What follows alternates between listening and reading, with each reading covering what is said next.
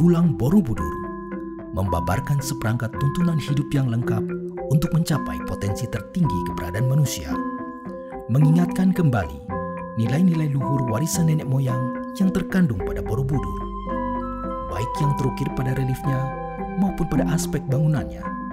Nilai-nilai yang sesungguhnya sudah menjadi kearifan lokal selama berabad-abad.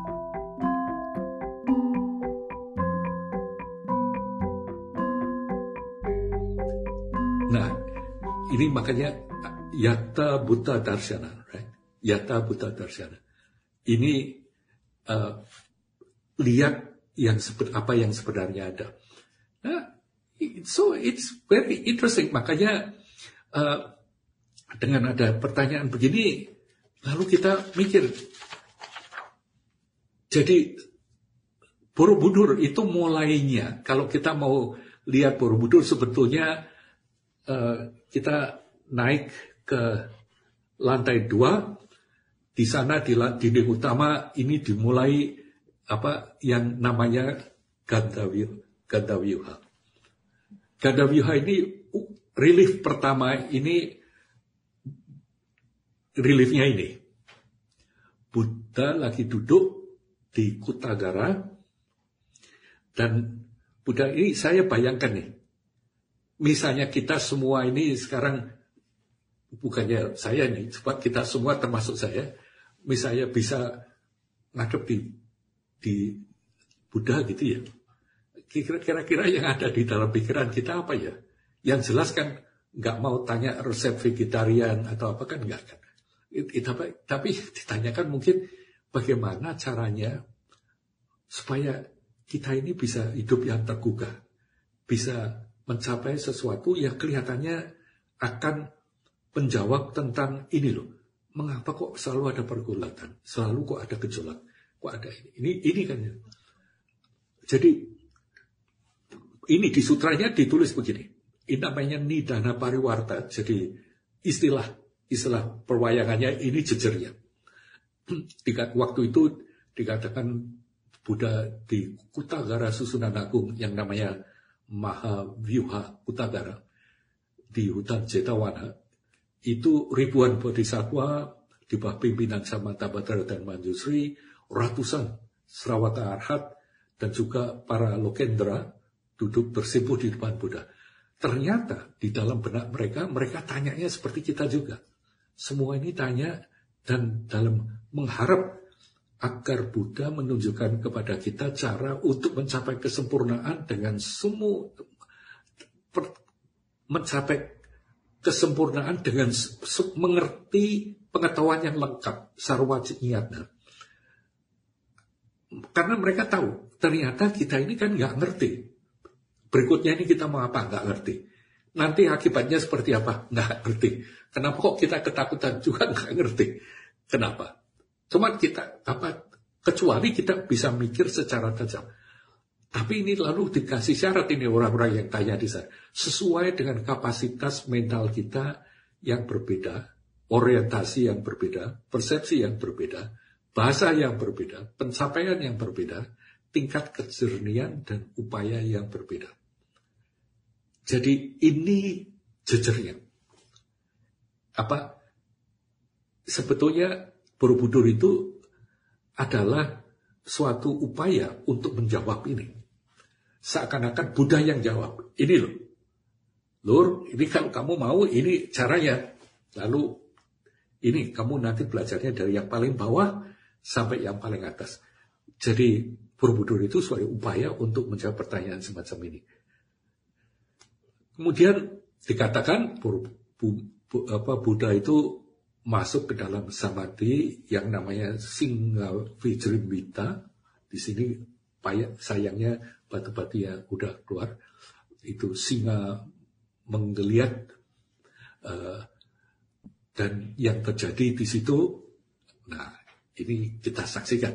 Ini yang terjadi di situ ini nanti adalah seakan-akan ketika itu juga di, di Borobudur itu dipaparkan cara sis, yang sistematis untuk memper, apa, uh, menumbuhkan ke, kepercayaan diri dan pengetahuan kita untuk hidup lebih berani. Nah, ajaran Buddhis ini disebut anububikata, yaitu pengajaran yang bertahap. Buddha mengatakan jadi ajarannya ini misalnya kita belajar berenang itu pun pelan pelan pelan pelan turun turun turunnya ke ke ke laut atau ke kolam dan sebagainya. Makanya ini disebut anububikata. Uh, seperti juga di Borobudur. Ajarannya ini nanti juga bertahap. Tapi memang tidak cuma di, uh, uh, di Borobudur itu representasi dari ajaran Buddha Dharma. Secara umum memang diajarkan semacam itu. Mengapa? Jawab tadi orangnya. Sesuai dengan kapasitas kita. Sesuai dengan kecenderungan kita. Sesuai dengan kesenangan kita. Sesuai dengan bahasa kita. Jadi, nggak apa-apa. Nggak mungkin ada satu. Jadi, misalnya ada apa impian bahwa mempersatukan semua di situ justru berlawanan. Karena memang yang di apa eh, diajarkan di sini adalah bagaimana justru dalam keberagaman ini kita bisa bersama-sama karena kita tahu bahwa masing-masing itu hanya mencoba menjadi happy tadi, just to go happy. Tergantung mana yang lebih bingung. ada yang lebih bingung, ada yang kurang bingung. Jadi that that's that that's that's the thing, you know. Jadi acaranya ini acara bertahap ini ini perlu kita kita ingat uh, supaya nanti kita juga ngerti. Nah, saya akan mengutip satu sutra yang tidak dari Borobudur hanya kali ini. Saya janji sesudah ini sutranya Borobudur karena saya pikir ada perlu apa, apa akan membantu kalau kita baca di sini. Oke. Okay. Sutranya ini namanya Sutra Pencarian Luhur. Nah, saya juga kepingin cerita ini sedikit. Ini di bawahnya ini ada empat macam list. Ternyata sutra Buddhis itu versinya banyak. Tidak tidak mengatakan lebih tua, lebih itu kalau urusannya bukan itu. Karena mulainya ini kan dari lisan. Orangnya yang nyatet banyak. Misalnya, dan itu tidak juga tergantung dari bahasanya loh. Sutra ini di Majjhima Nikaya dalam bahasa Bali itu pun ada tiga versi. Yang di Myanmar itu Majjhima Nikaya nomor 216. Namanya Pasarashi Sutta atau Sutta Tumpukan Jerat. Yang dari Thailand karena mungkin tetangga ya, nomornya lain kumpulannya di Majjhima Nikaya 312 juga disebut Pasarashi Sutta, Sutta Tumpukan Jerat. Tapi yang dari Pali Text Society, BTS, itu ada di yang BTS yang ditujukan ke BTS dan ini dasarnya di Sri Lanka uh, itu Majjhima Nikaya nomor 26 namanya Arya Pariyesana Sutta atau Sutta Sutra Pencarian Luhur. Nah, ini kemudian yang di koleksi yang namanya Madhyama Agama di bahasa Tionghoa ini nanti saya juga akan pikir upload jadi kita semua bisa lebih belajar uh, tentang bagaimana tuh uh, tersebarnya sutra-sutra Buddha Buddhis ini dan apa dan mengapa kok begitu banyak versi. Ini dalam bahasa Tionghoa itu ada di Taiso Tripitaka itu nanti saya daripada dulunya saya pengen masukkan di sini kan tapi terlalu lama. Ini pun saya sudah telat ini ngejar waktu. Ini namanya apa Lo Mojing uh, Sutra Ramata karena waktu itu Buddha ke pesantren atau pesanggrahan di apa Ramaka. Ini satu sutra loh, namanya aja macam-macam, dan urutannya macam-macam. Cuman mengapa saya pakai sutra ini? Ini saya janjikan ini satu-satunya sutra yang tidak dari Borobudur yang saya gunakan hanya untuk supaya kita lebih bisa ngerti. Nah di sini itu sebetulnya ceritanya Waktu itu Buddha masih Siddhartha Gautama waktu perjalanan perjalanan beliau akhirnya mencapai penggugahan sempurna. Nah, dalam bukan waktu sebelum mencapai dan boleh dikatakan di sutra ini satu-satunya di mana beliau itu cerita sebetulnya seperti apa yang beliau rasakan. Lalu dikatakan bahwa waktu itu beliau merasa bahwa apa pun yang beliau rasakan itu sangat dalam, gembira. Dan sulit dilihat dudasa, nggak gampang. Sebab apa tuh yang beliau, enggak, itu enggak. Sulit dipahami, Buddha. Tapi sifatnya damai, santi. Apa, sublim, panita. Dan di luar jangkauan akal. Suatu yang halus hanya dapat dipahami oleh orang yang bijak. Nah, di sini lalu beliau ini ngomong. Tetapi karena kita-kita ini, beliau ini ngomongin kita lah, kita-kita ini semua ini. Tapi karena kita ini begitu menyukai tempat kita ini di sini. Misalnya, kita ini apa makanya dia, beliau itu nyebut namanya alaya. Kita memang iya grundel, apa komplain segala macam nggak suka tapi kita ini suruh tidak jadi saya juga nggak mau pindah dari eh, sekeliling saya mungkin juga malas karena kita memang sudah terlalu biasa dengan apa yang ada di apa uh, tempat kita ini namanya alaya mereka terikat dengan tempat mereka dan menikmatinya sulit bagi mereka untuk melihat landasan atau karena yaitu yang saya sebut persyaratan tertentu. Ini kata ida pacayata. Kemudian yang berikutnya, kemunculan yang berkaitan yang namanya pratitya samupato. Ini juga pratitya samupato. Dua kata ini kita harus ingat. Sebab ini ajaran Buddha yang sebetulnya jauh lebih sukar kita apa kita mengerti. Kelihatannya sederhana sekali. Ida pacayata ini begini sesuatu itu nggak mungkin kejadiannya random, acak, nggak mungkin. Selalu ada karena ini ada, itu ada. Selalu urut-urutannya. Jadi ya ini apa maaf gunakan kata misalnya meminjam lirik dari Pak D almarhum Pak D Didi Kempot gitu. Nggak mungkin kamu apa nandur pari tukule suketeki ini nggak mungkin. Apa nanam padi tumbuhnya rumput teki ini nggak mungkin. Ha, kalau padi tumbuhnya padi mungkin nggak tumbuh, tapi kalau tumbuh pasti padi. Ini yang namanya ida pacayata. Sesuatu itu mempunyai implikasi, mempunyai suatu kondisi sehingga tidak mungkin tidak itu gitu. Bukan sesuatu yang sudah fix, tapi karena kondisi-kondisi tertentu itu munculnya seperti itu. Ini makanya saya selalu bercanda bahwa uh, sering orang ikuti Buddha Dharma itu enaknya kenapa? Karena nggak pernah bisa gagal. Karena kegagalan itu ternyata kan hasil tidak sesuai dengan harapan. Makanya kita sebut gagal. Tapi sebetulnya yang salah yang mana? Yang sering yang disalahkan hasilnya. Mengatakan, wah ini saya gagal segala macam. Tapi sebetulnya yang salah mana ya?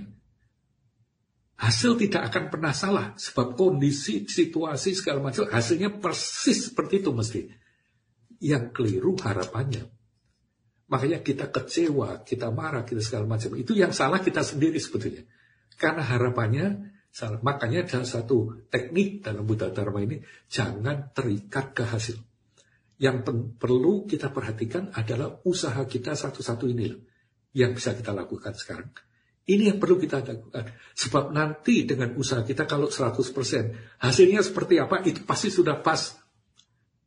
Hasil seperti itu. Ini yang namanya dapat sayata. Kalau kita baca di eh, kitab-kitab ulasan, bingungin. Tapi ini artinya seperti itu. Yang namanya patija samupato. Itu juga artinya ada ini, itu ada. Ini ada. Jadi yang satu tadi specificity, spesifik, yang ini sekuasa satu itu saling terikat. Makanya dengan mengerti begitu, kita akan menghentikan semua konsep.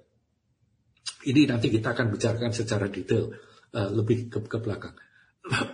dan kemudian juga uh, dan apa mulai wiraga itu mulai memudarnya gairah. Dengan kita lebih ngerti, kita lebih lebih pudar garahnya. Artinya kalau dari dulu waktu kecil kita ke, apa, kesayangannya itu naik sepeda terus menerus, sekarang kita sudah tidak lagi tertarik dengan sepeda, memudar gairahnya. Kepengennya motor atau mobil atau segala macam. Jadi ini yang dikatakan yang namanya wiraga. Kemudian dikatakan pelenyapan atau niroda. Kadang-kadang dikatakan berhenti. Artinya apa? Itu mulai hilang. Dan pembebasan, nibbana. Ini bagus sekali. Jadi di sutra pembukaan sebelum Buddha, Buddha ini menceritakan waktu itu apa yang beliau katakan di sana, itu beliau bisa merasakan pembebasan. Bebas dari apa? Nah di sini nanti ternyata bebas dari kebingungan, bebas dari penolakan, bebas keinginan tadi. Sudah sudah semuanya sudah bebas. Makanya juga dikatakan apa seperti uh, bebas itu free, right? Uh, nibbana. Kemudian ada ada satu ada dua kata lagi berikutnya dalam suta ini uh, yang di uh, kita bisa lihat yaitu ternyata ajaran ini tidak mudah dipahami oleh mereka yang terbenam dalam gairah dan penolakan raga dan dosa. Ini yang disering juga dikatakan loba dan dosa. Ini sederhana sekali. Artinya begini, ini juga seiring dan ini penting sekali untuk kita mengerti. Kita sebagai manusia, ini menurut Darwin, ini tujuan kita ini selalu ingin supaya melanggengkan kehidupan kita. Right? Supaya kita ini selalu bisa bisa langgeng apa meneruskan kehidupan ini dan meneruskan turunan. Lah, untuk survive, untuk supaya tetap bisa hidup, kita ini harus hati-hati. Kita ini harus milih mana yang membantu hidup kita, mana yang akan me, me, membuat hidup kita ini lebih bagus, dan kita harus tahu mana yang membahayakan, mana yang merugikan. Oke, saya ulangi ya. Untuk kita supaya hidup, ini tentunya kita selalu harus bisa milih mana yang kita apa yang mendukung kehidupan kita dan mana yang akan membahayakan hidup kita. Kalau yang membahayakan kita tolak, kita jadi. Jadi ini sebetulnya bukan sesuatu yang jahat atau yang kotor. Ini hanya sebetulnya untuk survival. Hidup ini kalau kita nggak bisa milah-milah itu juga nggak nggak mungkin kan. Tapi tapi ini terjemahannya dari hal yang sesederhana ini lalu jadi menjadi-jadi. Kita anggap kita nggak mungkin hidup kalau mobil saya nggak tujuh biji. Saya saya kalau nggak dipuji orang seperti apa itu berarti saya nggak bisa hidup, berarti membahayakan. Begitu sedikit dengar kritik, oh ini membahayakan hidup saya, membenci orang itu dan sebagainya. Ini loh, persoalannya kita ini lalu secara bodoh, secara bingung, secara tidak mengerti, menjalankan prinsip tadi, tapi menjadi-jadi, menjadi lebih lebih ekstrim. Makanya kita lihat nggak ada orang yang nggak ada koruptor, ini orang miskin. Karena apa? Karena mereka selalu mikir uang saya cuma 500 M ini masih kurang. Harus butuh sekian. Sampai bingung gimana caranya mengeluarkan. Ya udah jalan-jalan ke luar negeri, di luar negeri nanti saya kasih pinjamin apa kredit card. Silakan pakai kredit cardnya sekarang. Akhirnya pakai baju orangnya. Ya kan? Ini persoalannya karena tadi anggapannya tanpa itu tidak akan bisa bahagia, membahayakan hidupmu. Dan, dan nolak.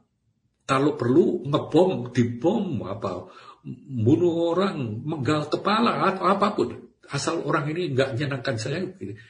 Tujuannya padahal so simple. Yaitu dalam hidup ini, mana yang bantu, mana yang ini, ini jelas. Nah, ini yang dikatakan raga atau gairah. Tadi atau loba dan dosa tadi penolakan. Makanya sayang sekali kalau dalam bahasa Indonesia ini lalu diterjemahkan loba diterjemahkan keserakahan, yang satu disebut kebencian. Bukan itu sebetulnya. Yang keserakahan enggak, enggak. Kalau serakah kan saya enggak serakah, kita enggak serakah kan ya. Cuma kadang-kadang kepingin sekali gitu. Tapi kan ini loh namanya kita punya raga itu kegairan rasa seperti itu. Bisa tuh dirasakan ya uh, hal ini. Saya ini sambil kampanye juga me, me, menambah kosakata Buddha Dharma dalam bahasa kita yang kita cintai ini. Semoga kita tidak tidak apa tidak malas memperbaiki kosakata-kosakata semacam ini. Lalu dikatakan mereka yang terjebak dalam dalam nafsu tidak dapat melihat apa yang halus. Melawan arus pati sota kami. Gini, ini ini juga kata yang saya sendiri selalu saya ingat. Jadi jangan khawatir kalau kelihatannya perbuatan kita kok seakan-akan berlawanan dengan apa yang kita inginkan. Misalnya, kita sudah kenyang, gitu, kenyang sekali. Gitu lihat apa barang yang betul-betul kita uh, senangi dan kita sukai gitu. Ya pakai pikiran dong. Ini teruskan atau enggak gitu kan. Nah, ini persoalan semacam ini ini salah satu sebenarnya contoh duka seperti artinya seperti ini. Nah, lalu kalau kita nggak pakai ini, lalu melawan arusnya, ya udah cukup. Untuk bisa ngomong cukup, ini hampir boleh dikatakan dalam kehidupan masyarakat seperti ini. Ini kadang-kadang kata ini tidak digunakan terlalu sering. Yang digunakan harus lebih, lebih kaya, lebih terkenal, lebih ini, lebih ini. Makanya ini kita harus ingat bahwa kita ini pati sota agami. Harus berani melawan arus. Oke. Kemudian sekarang kita menggunakan apa? Uh, apa yang sebetulnya diajarkan dalam Borobudur ini. Untuk ini, sebetulnya saya akan lihat satu panel juga yang dari Lalita Wistara sudah panel ini ada di level 1 di dinding atas panel terakhir. Dan jadi kalau kita masuk dari pintu sebelah timur, ini di sebelah kanan kita. Ini luar biasa sekali panel ini. Begitu banyak lalista wistara buku yang dicetak. Begitu banyak yang di uh, begitu banyak variasinya. Mulai dari coffee table, mulai ada yang apa pun yang menerbitkannya macam-macam juga. Dari Balai Taman Wisata juga menerbitkan uh, dari banyak penerbit-penerbit lain. Anehnya, judulnya selalu hidup kehidupan Buddha. The life story of the Buddha. Saya nggak tahu dari mana itu mereka dapat ya. Tapi bisa ditebak karena itu yang digunakan sebagai description, bukan sebagai terjemahan. Description oleh Chrome tentang Lalita Wistara. Lalita Wistara sendiri, Lalita ini jogetan, kiprah. Wistara ini luas, luas, lebar gini. Makanya Lalita Wistara dalam arti ini, konotasi ini, itu boleh disebut kiprah pamungkas kiprah terakhir dari bodhisatwa sebelum bodhisatwa ini turun ke bumi mutar roda dharma. Ceritanya seperti apa? Makanya di sini dan Lalita Wistara ini kalau dibaca sutranya, permulaannya itu sebetulnya sudah jelas dikatakan bahwa uh, ini sebetulnya seperti seperti apa. So it's really quite good. Nah, tapi kita ini karena mungkin karena malas atau gimana bahkan lucu sekali buku Lalita Wistara ini biasanya disambung dengan sutra yang namanya Dharma Cakra Pawatana Sutta. Padahal ada di dalam sutranya. Lengkap lagi. Lebih lengkap daripada di Dharma Cakra Pawatana Sutta. Kenapa? Lah ini sutra Borobudur. Panel ini sebetulnya panel dari bab 26 yang namanya Dharma Cakra Prawartana Pariwarta. Nah, di sini ini menarik yang jelas mudranya bukan mudra dharma, cakra prawatana, ini mudra witarka. Tapi yang menarik, audiensnya ada dua.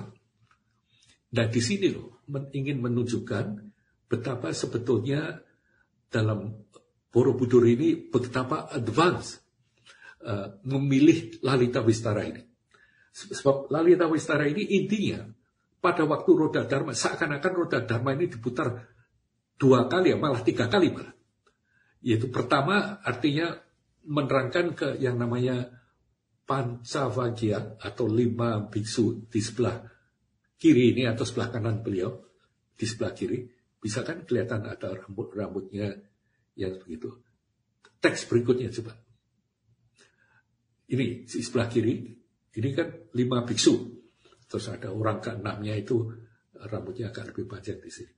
Di sini beliau menerangkan yang namanya Satwari Arya Satyani. Empat kenyataan harian. Ini juga perlu kita, ini sayangnya juga dalam bahasa Indonesia disebut empat kenyataan mulia gitu misalnya. Yang mulia itu keliru sebetulnya penerapannya. Karena sebetulnya artinya Satwari Arya Satyani ini kalau ada Arya, Arya ini bisa lihat empat hal ini loh. Kenyataannya seperti ini. Ini loh artinya. Makanya ini di, di, di, disebut ini di dalam sutra panjang sekali sih uh, di sutra nanti kalau perlu kita unggah juga kutipan dari Lalita Wistara ini yang menerangkan tentang apa Satwari Arya Satyana ini persis dengan Dharma Cakra Prawartana atau yang Bali Dhamma Cakapawatana sudah persis 12 kali ulangan dan sebagainya.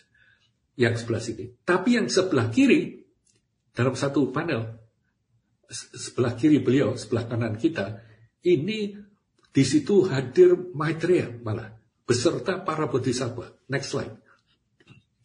Tadi kita ingatkan gambarnya satu, tapi ini di sebelah di sebelah kanan beliau duduk Maitreya kembali lagi ke sebelah kiri, kan, kan previous text. Jadi di sini diterangkan Satwari Arisatani ini bahwa ada duka, samudaya, niroda, dan marganya. Dan yang ditekankan dalam ajaran ini adalah wahana pribadi. Bagaimana kita secara pribadi masing-masing, nah ini cocok-cocokan eh, kita memilih paling tidak kita mendisiplinkan kita secara pribadi uh, melihat apa yang ada. Makanya saya apa gunakan kata wahana pribadi, it is really I think it's quite correct. The next one. Dalam sutranya ini disebutkan bermacam-macam apa mengatakan bahwa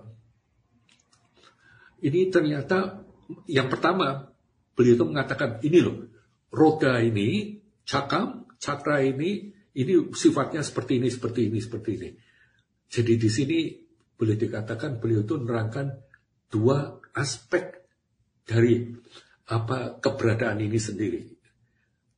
Itu nanti ada hubungannya dengan waktu kita uh, membicarakan mengenai uh, mengapa kok akhirnya kita ini tadi menjawab pertanyaan waktu saya tanya Yuli, kenapa kok kalau kita setiap saat memilih sesuatu itu karena kepingin bahagia, Mengapa kok kita masih sering gundah? Mengapa kok kita sering malah menderita ketakutan dan sebagainya? Padahal harusnya kan nggak mungkin kan? Oh, kita nggak pernah berbuat sesuatu yang menyebabkan kita menderita kok. Nah di sini lalu diterangkan gitu. Cuman yang dan akhirnya dalam keterangan ini di dalam sutra itu juga disebut disebut melampaui melampaui dualitas. Hmm, apa? Uh, adwaya. Non-dual. Tuaya kata kata fat di sini mengatakan ini ini dari sutra. Nah di sini bentuknya, tekniknya lain memang. Di sini menggunakan apa yang disebut wahana bersama atau kadang-kadang disebut mahayana. Ini ini artinya kita berpikirnya mulai agak lain. Cuma nanti kita akan bisa lihat uh, setelah uh, kita maju. Tapi mungkin sebelum kita apa break sebentar, cuman saya kepingin ngejak. Jadi gini, ceritanya ini di Borobudur ini seperti ini. Kita diperingatkan. Jadi tadi ya, kita kan sudah tahu kan ternyata tiap saat kita kepingin happy, kepingin bahagia, kepingin nyaman. Tapi ternyata kok enggak, enggak bisa. Ini apa tuh sebabnya? Terima kasih telah mendengarkan podcast ini. Dengan mempelajari dan menerapkan nilai-nilai yang terkandung pada Borobudur dalam kehidupan sehari-hari, berarti kita telah ikut melestarikannya. Ikuti terus podcast Bumi Borobudur berikutnya